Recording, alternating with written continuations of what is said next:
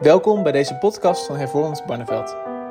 In deze podcast zijn de preken te beluisteren over het Bijbelstudieboekje Van Slavendienst naar Eredienst van dominee Langeweg en Molenaar.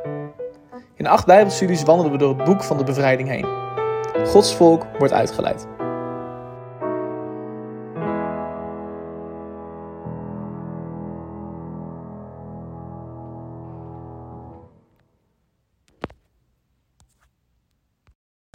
We gaan samen lezen uit de Bijbel. En we lezen uit Exodus 12, de versen 1 tot en met 28.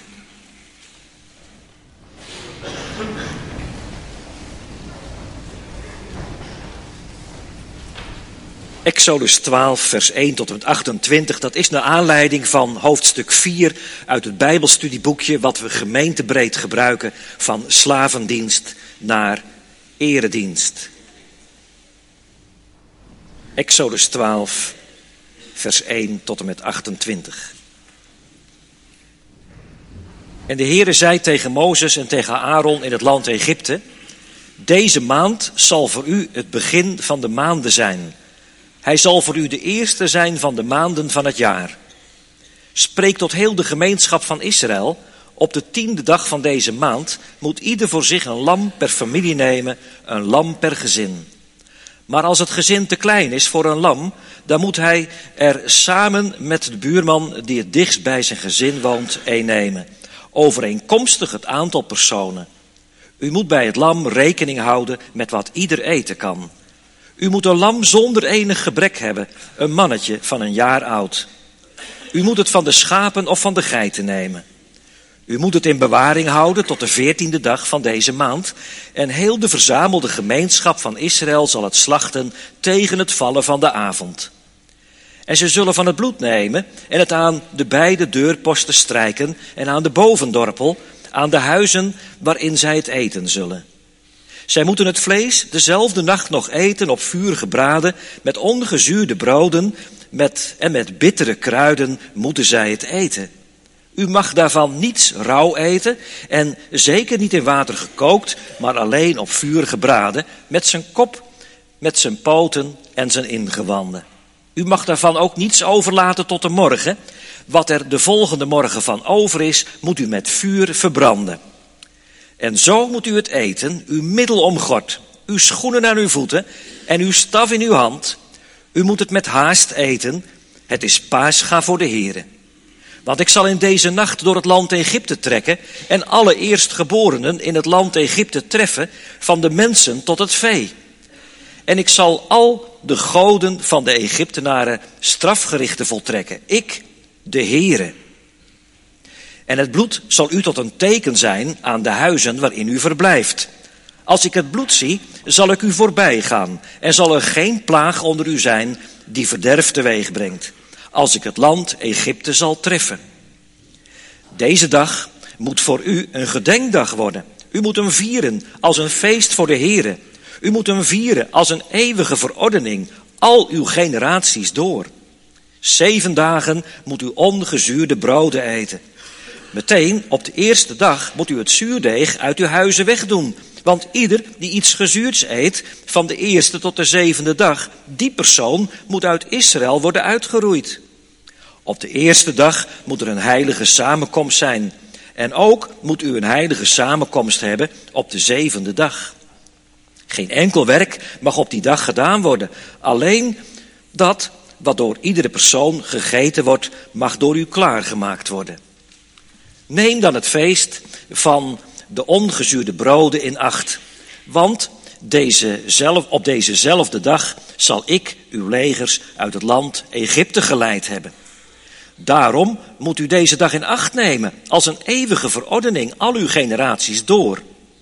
In de eerste maand moet u ongezuurde broden eten, vanaf de avond van de veertiende dag van de maand tot de avond van de 21ste dag van de maand. Zeven dagen lang mag u in uw huizen geen zuurdeeg gevonden worden.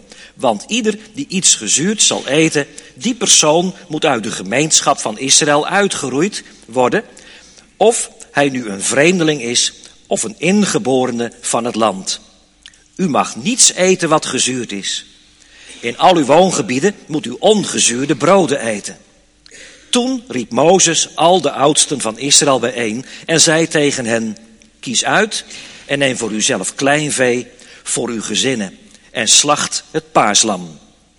Neem dan een bosje hyssop en doop het in het bloed dat in een schaal is. En strijk van het bloed dat in de schaal is op de bovendorpel en op de beide deurposten. Maar wat u betreft, niemand mag de deur van zijn huis uitgaan tot de volgende morgen. Want de Heere zal het land doortrekken om Egypte te treffen. Maar als hij het bloed zal zien op de bovendorpel en op de beide deurposten, dan zal de Heere de deur voorbij gaan en de verderver niet toestaan om uw huis binnen te komen, om u te treffen. Houd dit als verordening voor u en uw kinderen tot in eeuwigheid. En het zal gebeuren, als u in het land komt dat de Heere u geven zal, zoals hij gesproken heeft, dan moet u deze dienst in acht nemen. En het zal gebeuren als uw kinderen tegen u zullen zeggen: Wat betekent deze dienst voor u? Dan moet u zeggen: Dit is een paasoffer voor de Heere. Dit in Egypte de huizen van de Israëlieten voorbij ging. Toen hij de Egyptenaren trof en onze huizen bevrijdde. Toen knielde het volk en boog zich neer. De Israëlieten gingen weg en deden zoals de Heere Mozes en Aaron geboden had. Zo deden zij. Tot zover de lezing uit het Oude Testament. Uit het Nieuwe Testament lezen we Hebreeën 11, vers 28.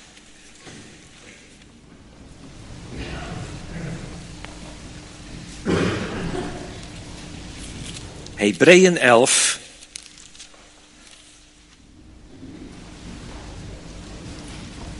En daarvan vers 28.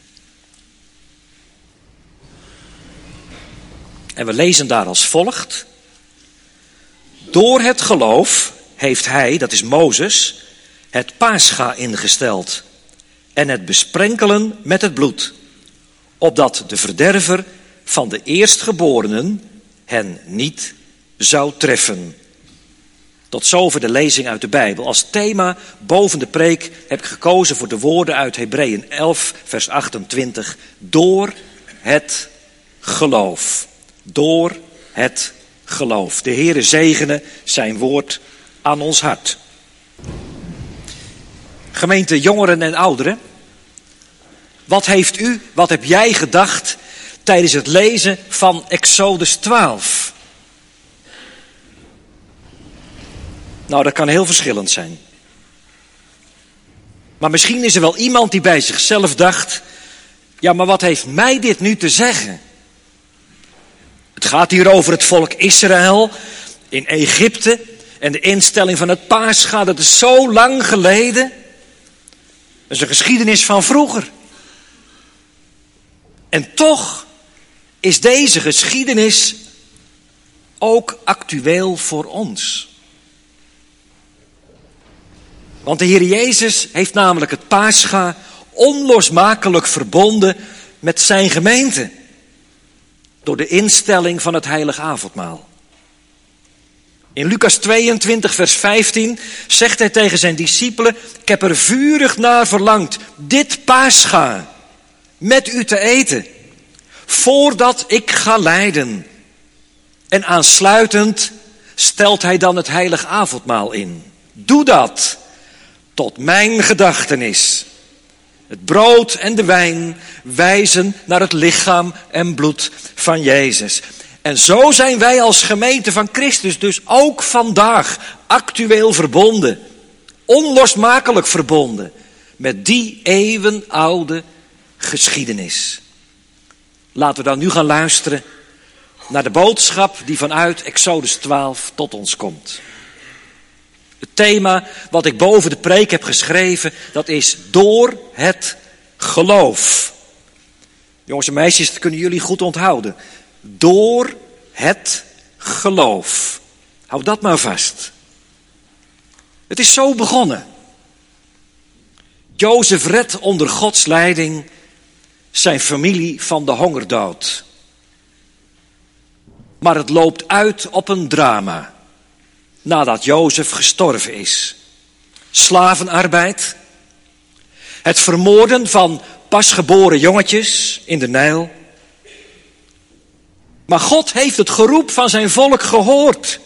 En nu treedt hij op. Negen plagen hebben de bevolking van Egypte getroffen, waardoor de onmacht van hun goden is aangetoond. Maar nog weigert Farao om het volk Israël te laten vertrekken. Hij wil zijn goedkope arbeidskrachten niet kwijt. En hij voert de druk alleen maar op. Maar dan komt God met de laatste, de tiende verpletterende klap. Die komt keihard aan. Alle oudste jongens in Egypte zullen sterven. Van de mensen en van de dieren. Dat is wat. En weet u wat mij nu opviel? Dat is dat het volk Israël niet automatisch aan deze plaag ontkomt. Ze moeten voorzorgsmaatregelen nemen. Maar waarom is dat nodig? Had de Heere God niet gewoon de Israëlieten kunnen ontzien? Zo van, nou daar wonen Israëlieten en die ontzie ik en de anderen die bestraf ik. Had dat niet gekund? God heeft het anders bedoeld en dat heb ik gelezen in Hebreeën 11 vers 28. Door het geloof heeft Mozes het paascha ingesteld en het besprenkelen met het bloed, opdat de verderver van de eerstgeborenen hen niet zou treffen. Het volk Israël werd niet automatisch door God gespaard, maar door het geloof, door gehoorzaamheid aan Hem. En dat is vandaag niet anders. Wij worden als gemeente van Christus niet automatisch gespaard. Als het eindgericht over deze wereld gaat.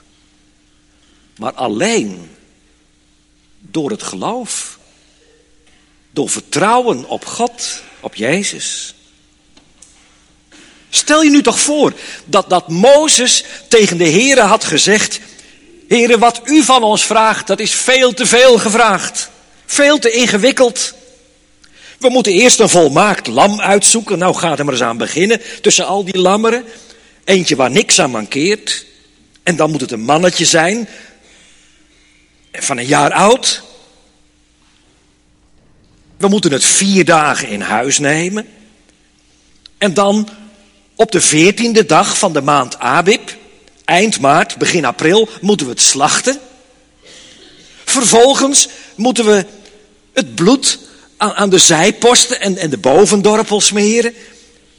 We moeten het lam klaarmaken om het op te eten. Het moet als één geheel gebraden worden. En daarbij moeten we dan ongezuurde broden en bittere kruiden eten. En compleet reisvaardig moeten we aan tafel gaan. Onze mantel aan, riem om. Opgetrokken tussen je riem, zodat je snel kunt vertrekken. Schoenen aan je voeten, staf in je hand. Stel je voor dat tegen ons gezegd zou worden, zometeen het kerstfeest, als we met elkaar gaan eten, wat we toch doen vaak ook in de gezinnen met elkaar, moet je zo het gaan doen. Zou je het doen? Nou, ga eens nadenken daarover. Dat is dus een geloofsstap die hier gemaakt wordt. Het is geen gezellig etentje. Het moet snel gebeuren. Dat is nogal wat. Zouden wij dat zonder commentaar maar gewoon gaan doen? We zien bij heel veel dingen die, die ingesteld worden dat er vaak allerlei actiegroepen ontstaan. Ze laten hun stemmen horen op straat. Op allerlei manieren. Nou, dat had je misschien hier dan ook wel bij kunnen verwachten. En toch, ze doen het. Omdat God het zegt. Omdat Hij zegt wat er gaat gebeuren. Alle eerstgeborenen van Egypte, van de mensen en de dieren, zullen in die nacht sterven. En alleen als er bij jullie Mijn volk Israël, bloed is aan de zijposten en de bovendorpel van de deuren.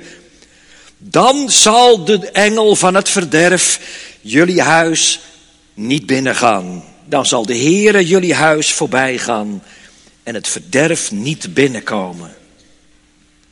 Alleen in die huizen waar het bloed van het lam is, daar is redding. Stel je nu voor dat iemand van het volk gezegd zou hebben: Ja, dat kan Mozes nou wel zeggen, namens God.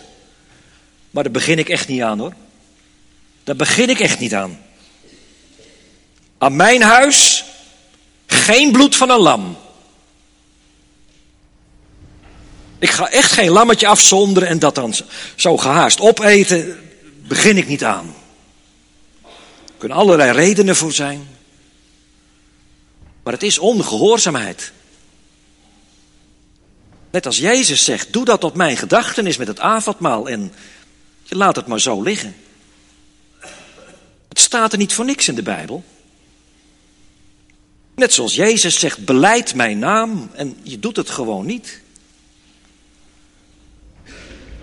Stel je voor dat iemand dat nou gezegd zou hebben. Ik doe dat gewoon niet, dat bloed aan mijn deurposten. Jongens en meisjes, wat zou er dan gebeurd zijn met die, met die mensen in dat huis waar geen bloed was aan de deurposten?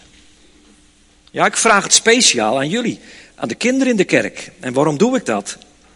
Nou, omdat in dit Bijbelgedeelte juist de kinderen heel centraal staan. Kijk maar in vers 26 van Exodus 12. Daar staat het namelijk. Kinderen die aan hun ouders vragen stellen. Papa, mama, waarom doen wij dit? Ik vroeg het afgelopen vrijdagavond op de beleideniscategorisatie. Wie van jullie heeft er thuis ooit wel eens gepraat over zijn of haar kinderdoop? Nou, eigenlijk hoegenaamd niemand. Er wordt eigenlijk nooit over gepraat. Heb je er wel eens naar gevraagd? Papa en mama, waarom hebben jullie mij laten dopen vroeger als kindje? Waarom? Zo belangrijk dat er over gesproken wordt, want als de jonge generatie het niet hoort van ons, de ouderen, hoe moeten zij het dan weten? Moeten ze dan maar wachten tot zo'n beleideniscategorisatie komen en dat ze dan eindelijk een keer horen waarom wij het op deze manier doen? Dat moet van jongs af aan ingeprent worden. Zo belangrijk, opdat ze het weten. Papa en mama, waarom doen wij dit? En dan hoor ik heel vaak van ouderen die zeggen: Dominee, waar ben ik tekort geschoten? Ik heb het me zo laten liggen. Er is zo weinig tijd en aandacht aan besteed. En het antwoord is: in dat huis waaraan het bloed ontbreekt, daar komt de dood binnen. Daar sterft de oudste zoon. En dan maakt het geen verschil of je een Egyptenaar bent, of dat je een Jood bent, als het bloed ontbreekt, dan komt het oordeel van God binnen. Door het geloof heeft Mozes het paascha ingesteld. En het besprenkelen met het bloed. Opdat de verderver van de eerstgeborenen hen niet zou treffen. Geloof. Vertrouwen op God. Dat is dus nodig om aan het onheil te ontkomen. En dat is vandaag niet anders.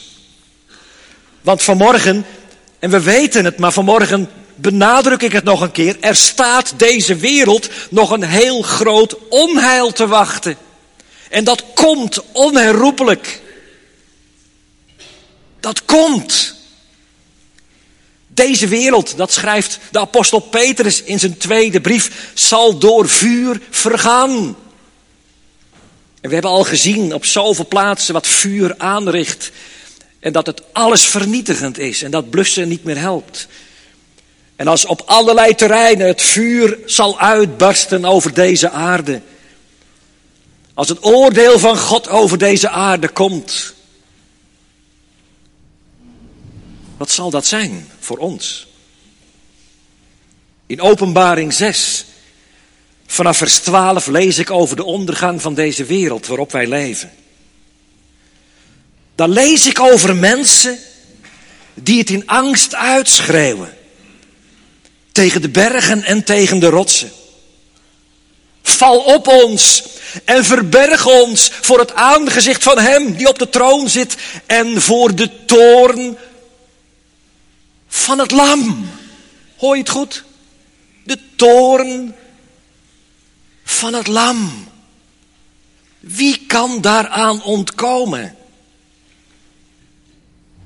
Alleen als je door het geloof schuilt achter het bloed van het lam. Het lam van God, dat de zonde van de wereld wegneemt. Jezus is dat lam. Exodus 12 wijst naar hem, de enige geboren zoon van God. Dat lam wat geslacht is voor onze zonden. In Jesaja 53 vers 7 lezen we dit. Als een lam werd hij ter slachting geleid. Als een lam. Lief en weerloos. Ooit goed? Als een lam. Lief en weerloos. Maar dat is hij niet meer in het eind gericht. Als het kwaad gestraft zal worden. De mensen die vandaag dat tere lam Jezus afwijzen. Die zullen een toornend lam ontmoeten. Dat is de ernstige keerzijde van het evangelie. En een roepstem voor ons. Heb je dat lam al in geloof aanvaard? als je redder en verlosser. Dat is een vurige wens en bede van mijn kant voor ieder van ons. Heb je dat lam, dat liefdevolle lam Jezus al aanvaard als je redder en verlosser? Opdat je niet zometeen een toornend lam zult ontmoeten. Boven Exodus 12 kunnen we schrijven door het geloof. Door het geloof doe je dingen die je met je verstand niet kunt beredeneren. Kijk maar naar Noach. Op Gods aanwijzing bouwde hij een ark op het droge. Ja, wie doet dat nou? Wie doet dat nou? Stel je nou toch voor dat iemand hier een grote boot gaat bouwen, een enorm cruiseschip. Hier op het plein voor de kerk. Ja, wat doe je nou toch? Maar hij geloofde God. Die had gezegd, ik ga een watervloed over deze aarde brengen. En de ark, in de ark alleen is redding. Het staat er niet, maar je kunt je de spot wel voorstellen. Het zou vandaag ook heel wat bekijks opleveren. Wie gaat er nou een ark bouwen op het droge? Ha, wie smeert er nu bloed van een lam als een deurpost? Moet je dat toch eens kijken? Het ziet er toch niet uit? Die deurposten met dat bloed. Wie doet dat nou? Je lijkt wel niet wijs. Wie gaat er nou nog naar de kerk? En leest uit de Bijbel? Wie stemt er met de Tweede Kamerverkiezingen nou nog op een christelijke partij? Die fundamenteel het woord van God vasthoudt. Wie doet dat nog? De grootste schreeuwers, daar wordt naar gekeken heel vaak. Veel verf, weinig wol, zeggen we wel eens.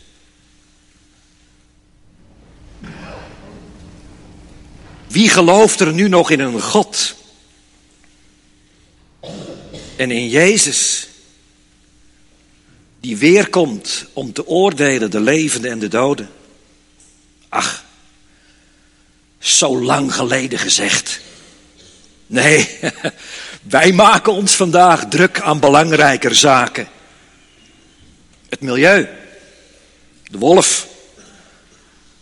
De opwarming van de aarde.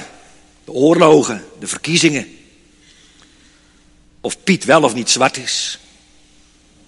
Daar zijn mensen druk aan. En dat zijn zeker geen onbelangrijke zaken, let wel. Want er is in het verleden zoveel fout gegaan. Als je komt in de grote herenhuizen. Afgelopen zomer was ik in Dordrecht. En je ziet de extreme rijkdom die vergaard is door mensen, ook uit de kerken. Met slavenhandel.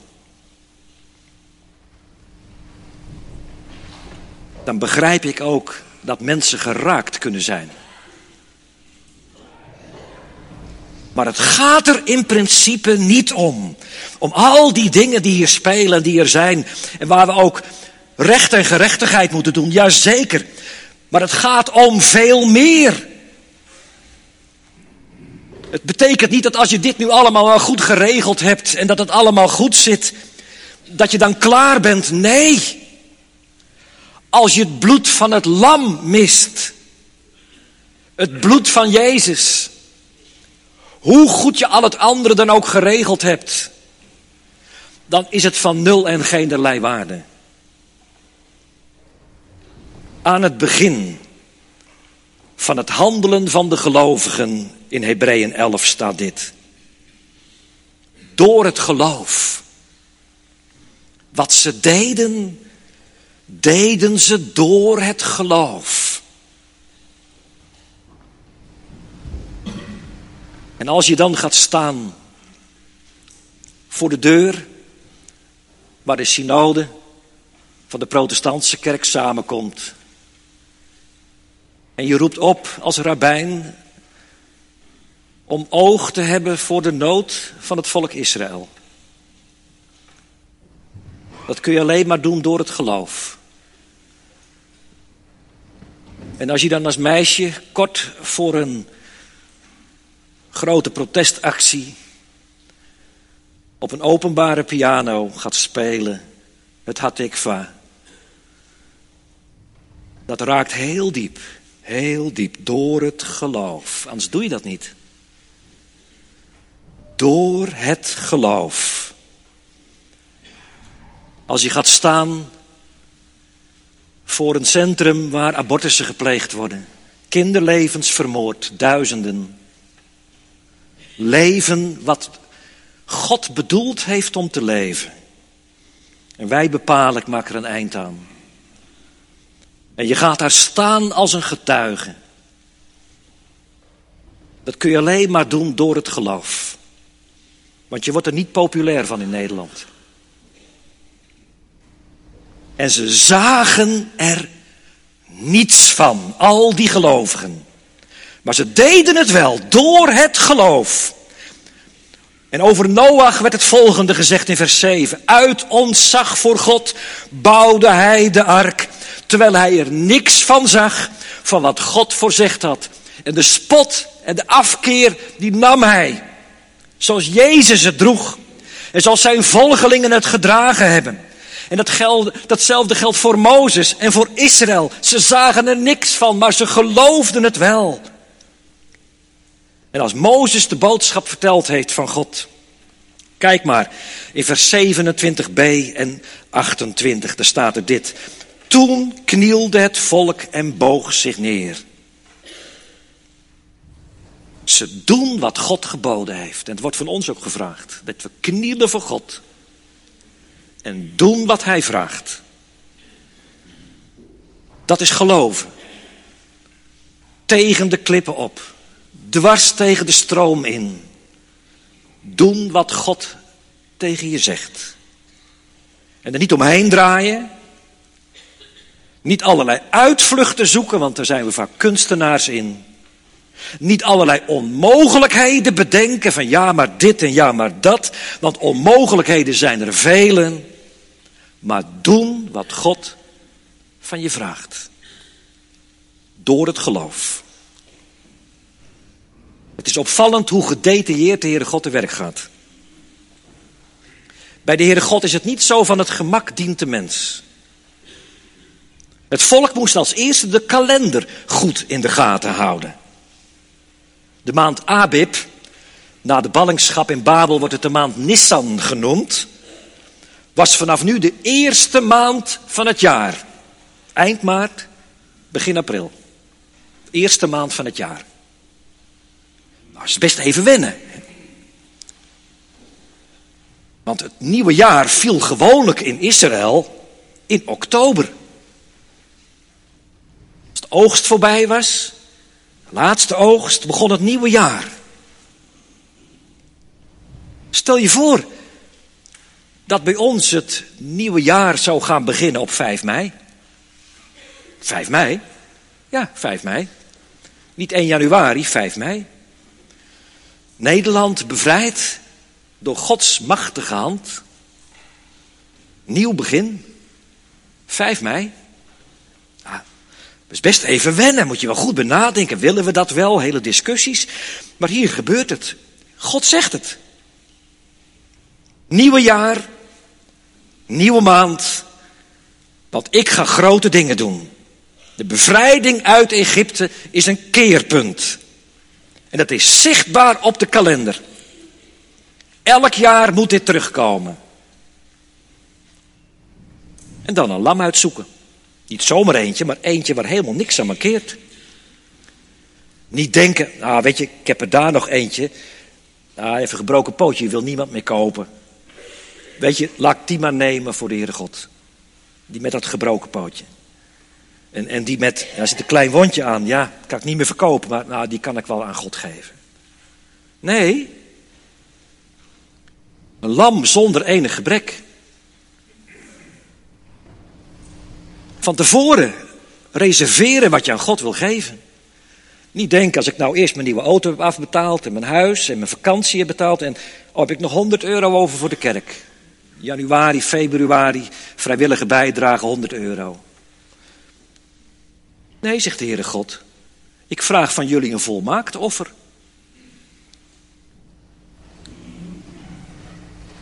Denk daar eens goed over na. Niet de restjes voor God, maar het eerste voor God. Het beste en het meest waardevolle voor Hem. En daar moet je heel nauwkeurig naar kijken. En als je dan een klein gezin was en één lammetje zou te veel zijn, dan moet je naar je buurman gaan, staat er. Contact met je buren. Zullen we het samen doen? Samen doen? Samen met dat ene lam? En er moest ermee gerekend worden, zoveel eters.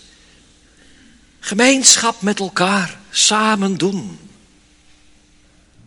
En dat lam, dat mocht niet tussen de andere schapen en geiten blijven, maar het werd opgenomen in het gezin, vier dagen lang. Moet je je voorstellen, jongens en meisjes, zo'n leuk, lief, klein lam in het gezin, vier dagen. Daar bind je je aan. Maar dan zei papa, nu is het tijd. Kom. We gaan dat lieve lammetje slachten. Slachten? Moet het nou echt, papa? Moet het geslacht worden? Ja, want de Heere God heeft het gezegd. Tussen twaalf uur in de middag en zonsondergang werden al die lammetjes geslacht. Moet wat geweest zijn. Voor de kinderen ook, die een band hadden gekregen met zo'n lammetje. Een lam wat voor jou moet sterven in jouw plaats. Dat onschuldige dier wat niks heeft gedaan in mijn plaats. Nou, ik kan me voorstellen dat kinderen gehuild hebben. Ik kan me nog herinneren dat een van onze kinderen voor het eerst van de juffrouw heel bewust op school had gehoord over het sterven van Jezus. Natuurlijk was het wel eerder aan de orde geweest, maar het was bij er binnengekomen. Jezus aan het kruis. En ze kwam thuis uit school en ze huilde. En zei: Papa, wat hebben ze met de Heer Jezus gedaan? Aan het kruis, dat huilen van het kind, dat vergeet ik nooit meer. Hoe vaak huilen wij bij het kruis van Jezus? Om wat Hij voor ons heeft gedaan. Ja, dan moet ik denken aan de Heer Jezus. Tussen zijn intocht in Jeruzalem, de reiniging van de tempel en zijn sterven aan het kruis, wordt Jezus ook gekeurd. Je hoort Pilatus duidelijk zeggen: Ik vind geen schuld in deze mens. En de fariseeërs en de schriftgeleerden, ze, ze keuren Jezus, maar ze noemen hem schuldig. Onschuldig, zegt de rechter. En toch moet hij sterven. Op het moment als de paaslammeren in de tempel geslacht worden. Want het werd niet meer in de huizen gedaan in die tijd, maar centraal in het tempelcomplex bij het altaar. De lammeren geslacht. Op dat moment hangt Jezus aan het kruis. Mijn God, mijn God, waarom verlaat u mij? Vader, in uw handen beveel ik mijn geest. En het voorhangsel in de tempel scheurt van boven naar beneden, de weg naar God geopend. Geen paaslammeren meer nodig. Het onschuldig bloed van Jezus vloeit. En waarom is dat? Nou, kijk maar in Hebreeën 2, vers 14 en 15, daar staat het. Waarom gaf Jezus nou zijn bloed op Golgotha? Hebreeën 2, vers 14 en 15. Waarom dat lam van God aan het kruis? Het staat er zo. Hebreeën 2, vers 14. Om de dood en de duivel te vernietigen en om zijn kinderen te verlossen uit de angst voor de dood, te verlossen uit de slavernij waar ze tijdens heel hun leven aan onderworpen waren. Dat is het dus. Jezus sterft aan het kruis om de duivel en de dood te vernietigen en zijn kinderen te verlossen uit de angst van de dood. En die angst voor de dood, die kom ik als predikant zo vaak tegen. Bij broeders en zusters op het sterfbed. Zo'n vreselijke angst. Dominee, ik kan niet sterven. Hoe moet ik verschijnen voor een heilig God? Ik, ik kan niet sterven, ik ben een zondaar. Ik heb zoveel fout gedaan in mijn leven.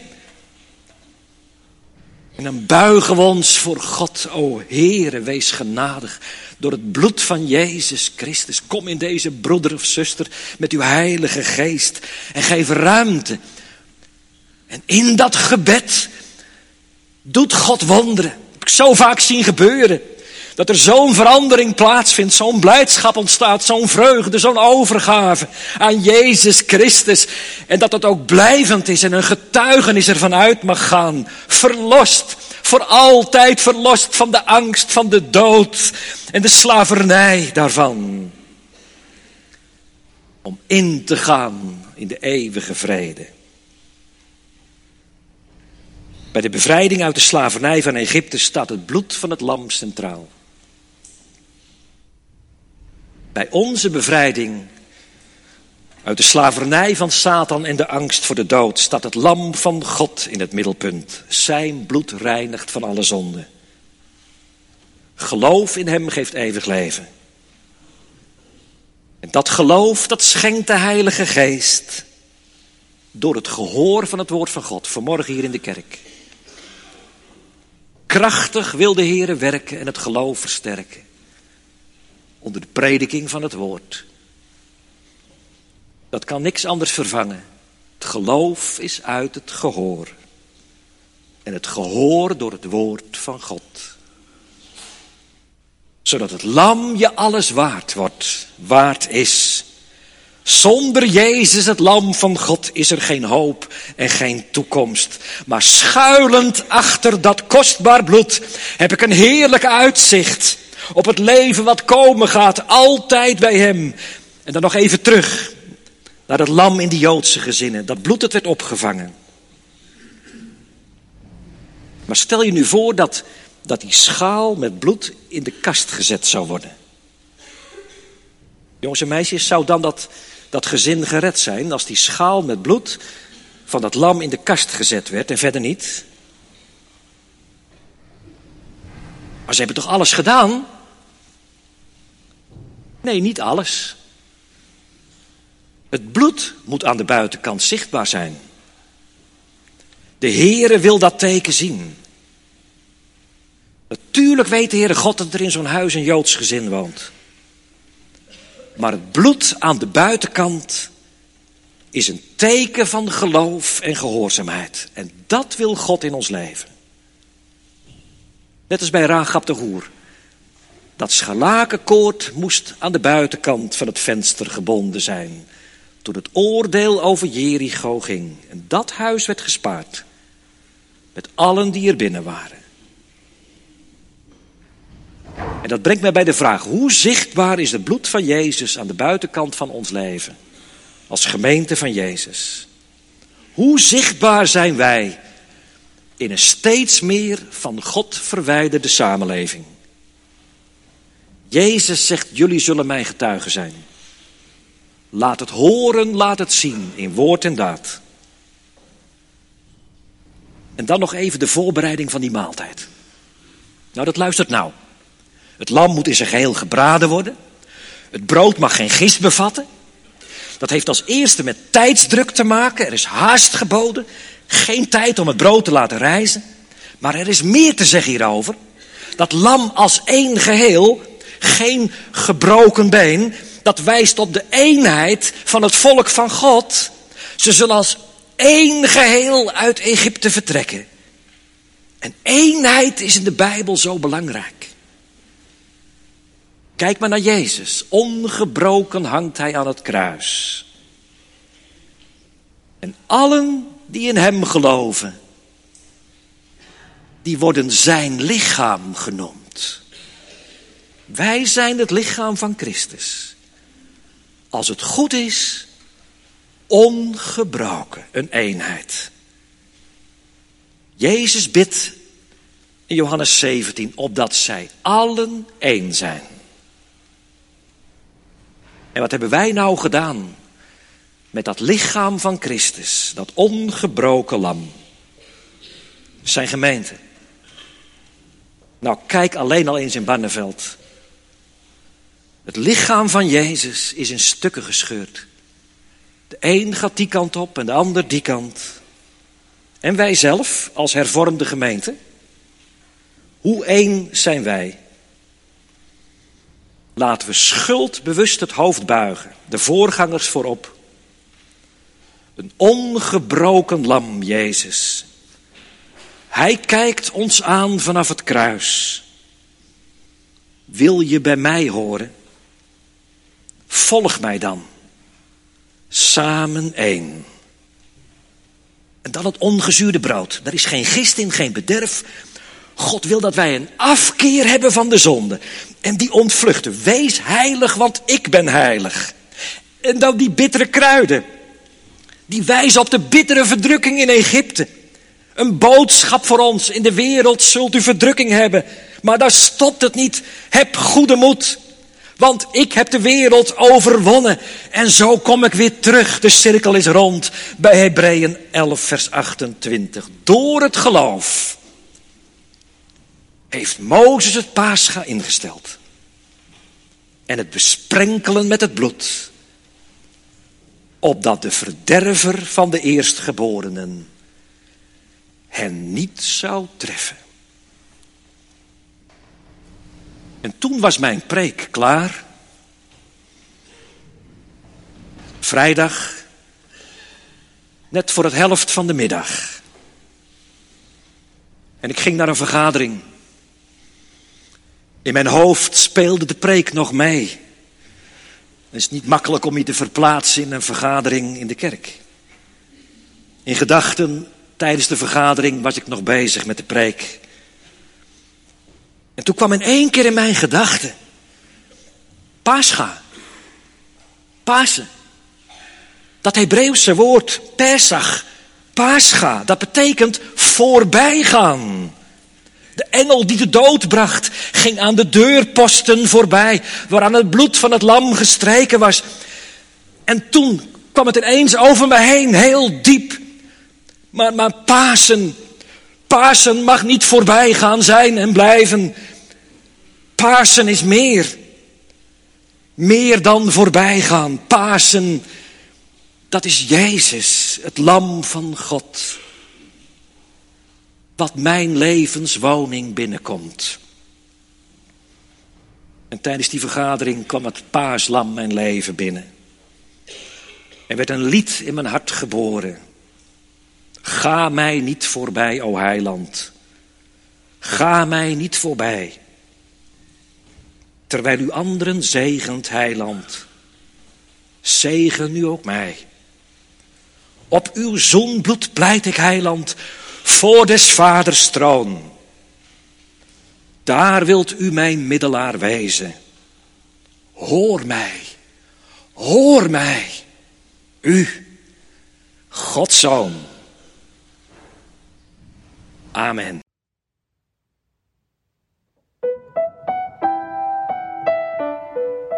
Dit was een podcast van Hervormd Barneveld. Bedankt voor het luisteren. Wilt u meer weten over onze gemeente? Ga dan naar hervormdbarneveld.nl